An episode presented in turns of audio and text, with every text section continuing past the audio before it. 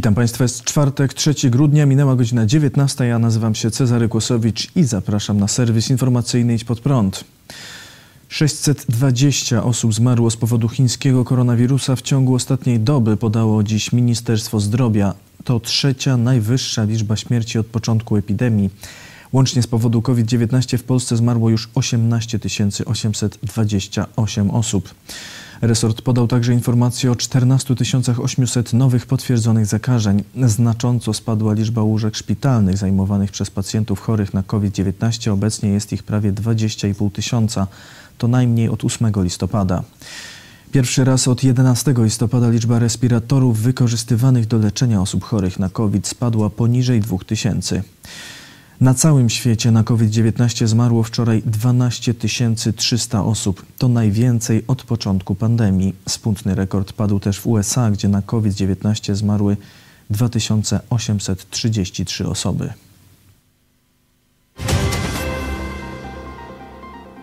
Polska spółka rozpocznie badania kliniczne leku na COVID-19. Firma Biomed z Lublina otrzymała zgodę na rozpoczęcie badań klinicznych leku na COVID-19 stworzonego w oparciu o osocze ozdrowieńców. Zgodę wydał Urząd Rejestracji Produktów Leczniczych. Testy rozpoczną się w ciągu kilku najbliższych dni w szpitalu klinicznym nr 1 w Lublinie. Lek testowy otrzymają także pacjenci Instytutu Hematologii i Transfuzjologii w Warszawie oraz ośrodków w Białymstoku, Bytomiu, Bydgoszczy i Rzeszowie. Senator Grzegorz Czelej, przewodniczący Rady Społecznej Szpitala Klinicznego w Lublinie, ogłosił, że w ciągu najbliższych dwóch tygodni lek otrzyma około 400 pacjentów. Pierwsze rezultaty poznamy za około miesiąc. Profesor Krzysztof Tomasiewicz, kierownik Kliniki Chorób Zakaźnych Szpitala Klinicznego w Lublinie, powiedział: Preparat będzie podawany pacjentom domięśniowo przez kolejne trzy dni, tylko w różnych dawkach. Lek w ramach badań klinicznych otrzyma grupa zakażonych na odpowiednim etapie choroby. Chodzi o osoby, które mają objawy, najczęściej zapalenie płuc i wymagają hospitalizacji, ale nie znajdują się jeszcze w stanie ciężkiej niewydolności oddechowej. Organizator gejowskiej imprezy z udziałem węgierskiego europosła jest poszukiwany przez polską policję. Dawid Mandżelej, który zorganizował głośną orgię w Brukseli, jest od dawna poszukiwany przez małopolską policję. Mężczyzna mieszkał w Wadowicach. Miał podawać się za prawnika i oszukać mężczyznę, oferując mu usługę prawniczą i wyłudzając od niego pieniądze. Ukrywa się przed organami ścigania od 2009 roku. Został skazany na rok i dwa miesiące więzienia, ale zbiegł. Według portalu Onet w jego sprawach toczy się kilkanaście postępowań. Dotyczą m.in. niewywiązywania się z umów i posługiwania się fałszywymi dokumentami. Sam Andrzej w rozmowie z Onetem zaprzeczył, że jest osobą poszukiwaną.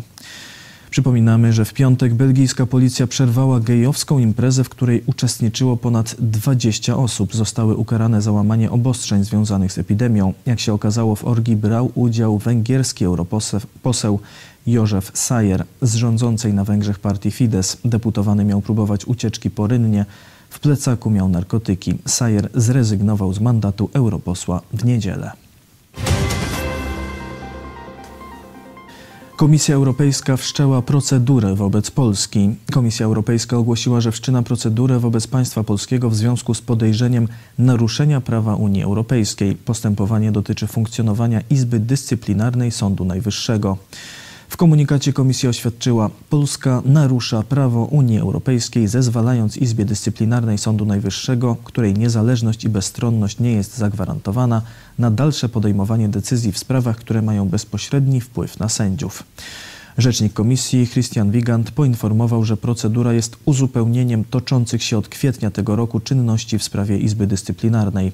Dodał, że działania wobec Polski są najlepsze dla dalszego funkcjonowania Izby Dyscyplinarnej Sądu Najwyższego.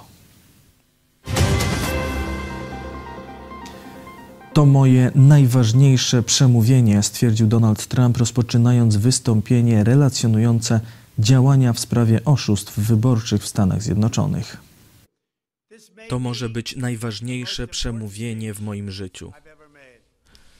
Chcę przekazać Wam najświeższe informacje o wysiłkach, jakie podejmujemy, by pokazać niesamowite wyborcze oszustwa i nieprawidłowości, które miały miejsce podczas absurdalnie długich wyborów.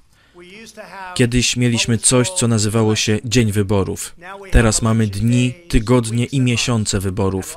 I wiele złych rzeczy wydarzyło się przez ten absurdalny okres.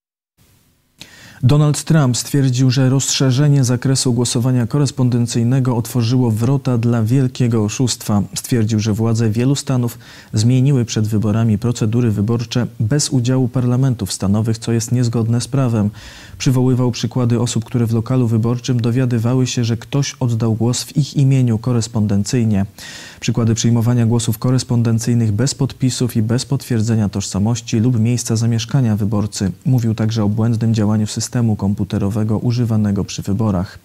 Prezydent Stanów Zjednoczonych powiedział, że nieprawidłowości dotyczą setek tysięcy policzonych głosów. Według Trumpa wystarczy to z nawiązką do zmiany wyniku wyborów. Tu nie chodzi tylko o moją kampanię, chociaż to ma wpływ na to, kto będzie waszym prezydentem. Chodzi o przywrócenie wiary i zaufania do amerykańskich wyborów. Chodzi o naszą demokrację i święte prawo, za które pokolenia Amerykanów walczyły i przelewały krew. Nic nie jest bardziej pilne i ważne.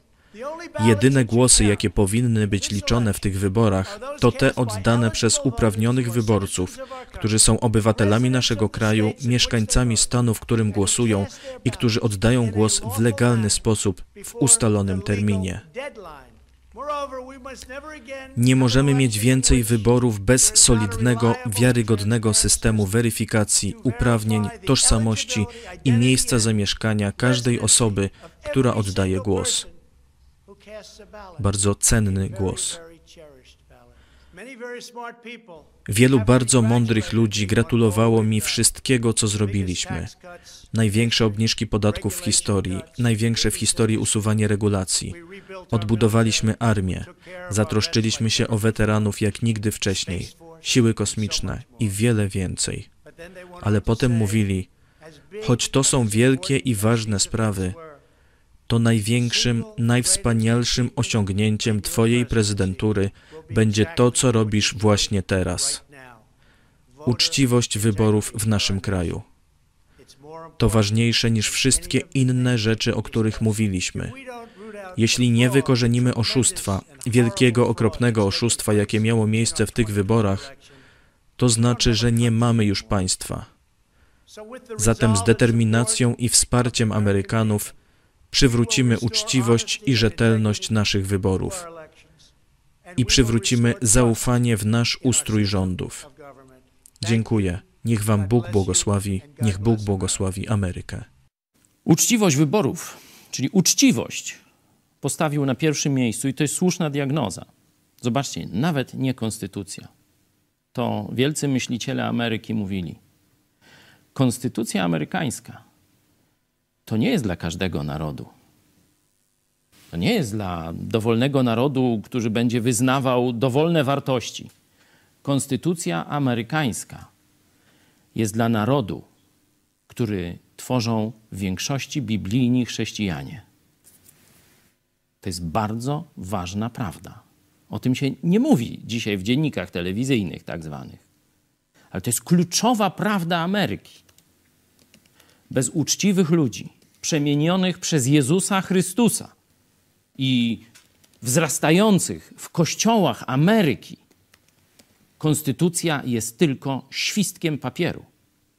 Pośrednio to przyznał dzisiaj prezydent Stanów Zjednoczonych. Powiedział: Bez uczciwości ludzi nic nam nie pomoże.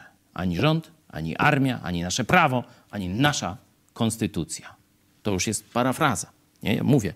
On powiedział, że bez uczciwych to wszystko inne nic nie znaczy. Bez uczciwych ludzi. Bo kto zrobił uczciwe wybory? Roboty? Bez uczciwych ludzi, czyli bez chrześcijan oddanych Jezusowi Chrystusowi, nie ma Ameryki. To powiedział prezydent Stanów Zjednoczonych. Dziękuję mu za to. Niech to wreszcie dotrze.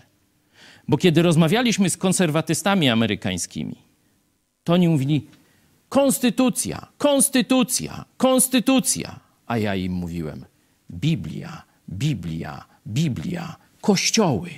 Jeśli kościoły nie będą zaangażowane w politykę, jeśli kościoły nie zaczną znowu wpływać dominująco na życie Ameryki, to konstytucja wcześniej czy później przegra. Stany Zjednoczone wyrzuciły ponad tysiąc chińskich szpiegów. John Demers, szef Wydziału Bezpieczeństwa Narodowego Departamentu Sprawiedliwości USA, oświadczył, że ponad tysiąc naukowców powiązanych z chińską komunistyczną armią straciło wizy amerykańskie. Był to efekt śledztwa służb USA dotyczącego działalności szpiegowskiej z zagranicy, w tym kradzieży technologii. Demers przemawiał w środę podczas konferencji Instytutu Aspen poświęconej bezpieczeństwu narodowemu. Ujawnił, że służby amerykańskie latem tego roku aresztowały pięciu lub sześciu naukowców z komunistycznych Chin powiązanych z armią chińską, którzy nie przyznali się do tych powiązań podczas procesu ubiegania się o wizę.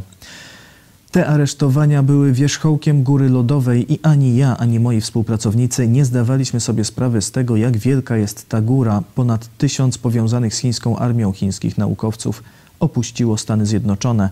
Nasze śledztwa to był tylko początek, ale one pozwoliły nam przekazać rządowi chińskiemu wiadomość, że jeśli chcą tu kogoś wysłać, to muszą być w tym uczciwi i nie mogą ukrywać powiązań z chińską armią i chińskimi uczelniami, powiedział Demers. William Evanina, dyrektor Narodowego Centrum Kontrwywiadu i Bezpieczeństwa Stanów Zjednoczonych, podczas tej samej konferencji zaznaczył, że chińskie służby wywiadowcze już pracują nad sztabem Joe Bidena i nad potencjalnymi członkami jego administracji. Oni nie przestaną, powiedział Ewanina. Hongkońscy aktywiści skazani na więzienie. Troje działaczy z Hongkongu usłyszało wyroki od 7 do 13,5 miesiąca więzienia za udział w protestach prodemokratycznych. Skazani to czołowi hongkońscy aktywiści Joshua Wong, Ivan Lam i Agnes Chow. Najwyższy wyrok usłyszał Joshua Wong, który według orzeczenia sądu był liderem protestu pod budynkiem komendy policji w czerwcu 2019 roku. Przed wyjściem z sali sądowej Wong powiedział: Wiem, że przede mną trudna droga, ale poradzę sobie. Walczcie dalej. 21 czerwca zeszłego roku przed budynkiem Komendy Głównej Policji w Hongkongu zgromadziły się tysiące Hongkończyków, żądając od władz wycofania projektu ustawy o ekstradycji do komunistycznych Chin. Protest przebiegł spokojnie, ale aktywiści znaleźli się na policyjnej liście podejrzanych o udział w nielegalnym zgromadzeniu i zakłócaniu spokoju. Troje działaczy przyznało się do zarzutów, groziła im kara do trzech lat więzienia. Po osadzeniu w więzieniu Joshua Wong napisał list otwarty, informując, że nieoczekiwanie został zamknięty w izolatce. Chociaż byłem w więzieniu trzy razy, przebywanie w więziennej izolatce znacznie przekracza moje oczekiwania. Sporo czasu i energii zajęło mi uspokojenie się i przeorganizowanie myśli, pisał hongkoński aktywista. Dodał, że choć przechodzi trudne chwile, to wzywa do pamiętania o 12 Hongkończykach, którzy od 100 dni przebywają w więzieniu w Chinach za próbę ucieczki z Hongkongu na Tajwan. W więzieniu przebywa także Jimmy Lai, działacz prodemokratyczny, założyciel największej gazety w Hongkongu Apple Daily. Sąd w Hongkongu ogłosił, że nie wyraża zgody na wypuszczenie działacza za kaucją, w wyniku czego Jimmy Lai będzie w więzieniu przynajmniej do kwietnia, kiedy odbędzie się kolejna rozprawa w jego sprawie. Lai został zatrzymany pod zarzutem zmowy z obcymi siłami, która jest czynem zakazanym przez ustawę o bezpieczeństwie narodowym Hongkongu, która pozbawia Hongkong autonomii od komunistycznego systemu chińskiego. Polski Kościół występuje w obronie niemieckiego pastora. 25 listopada pastor Olaf Lacel został skazany przez sąd rejonowy w Bremie na trzy miesiące więzienia z zamianą na 8100 euro grzywny za słowa ten cały genderowy brud to atak na boski porządek stworzenia, co jest dogłębnie diabelskie i satanistyczne. Kościół Nowego Przymierza w Lublinie wydał oświadczenie w obronie niemieckiego pastora. Uważamy, że jest to powrót do hitlerowskich metod zastraszania duchownych, by nie mówili prawdy o bezbożnych działaniach niemieckich władz. Pastor Lacel wypowiedział ostre słowa przeciwko środowisku LGBT, potępiając te grzechy, które potępia Nowy Testament Jezusa Chrystusa. Odbierając pastorom prawo głoszenia przekazu Jezusa Chrystusa, władze niemieckie wróciły do praktyk z czasów Hitlera, kiedy to państwo, a nie Bóg i Biblia było źródłem moralności i prawa. to władza państwowa decydowała wtedy, co jest dobre, a co złe, odrzucając fundamentalne normy cywilizacji chrześcijańskiej wywodzącej się z Pisma Świętego. Pastor Lacel w żaden sposób nie nawoływał do czynów nienawiści, ataków i tym podobne, a jedynie pokazał obrzydliwość grzechu sodomii. Oczywiście także inne grzechy, jak cudzołóstwo, kradzież, morderstwo, są obrzydliwe przed Bogiem i wierne Jezusowi kościoły to głoszą. Czy niemiecki rząd zakaże też potępiania innych grzechów i grzeszników? Wyrok niemieckiego sądu nie tylko pozbawia chrześcijan prawa wolności głoszenia poglądów religijnych, łamie także deklarowaną powszechnie zasadę świeckości państwa, czyli jego neutralności w sporach religijnych i ideologicznych, i jest jawnym opowiedzeniem się po stronie ideologii antychrześcijańskiej. Wzywamy władze Niemiec do wycofania się z tego skandalicznego, łamiącego podstawowe prawa człowieka kierunku działania. Całe oświadczenie zamieszczone jest na stronie Kościoła Nowego Przymierza knp.lublin.pl. To wszystko w tym wydaniu serwisu. Dziękuję Państwu za uwagę. Kolejny serwis jutro o 19:00. Życzę dobrej nocy. Do zobaczenia.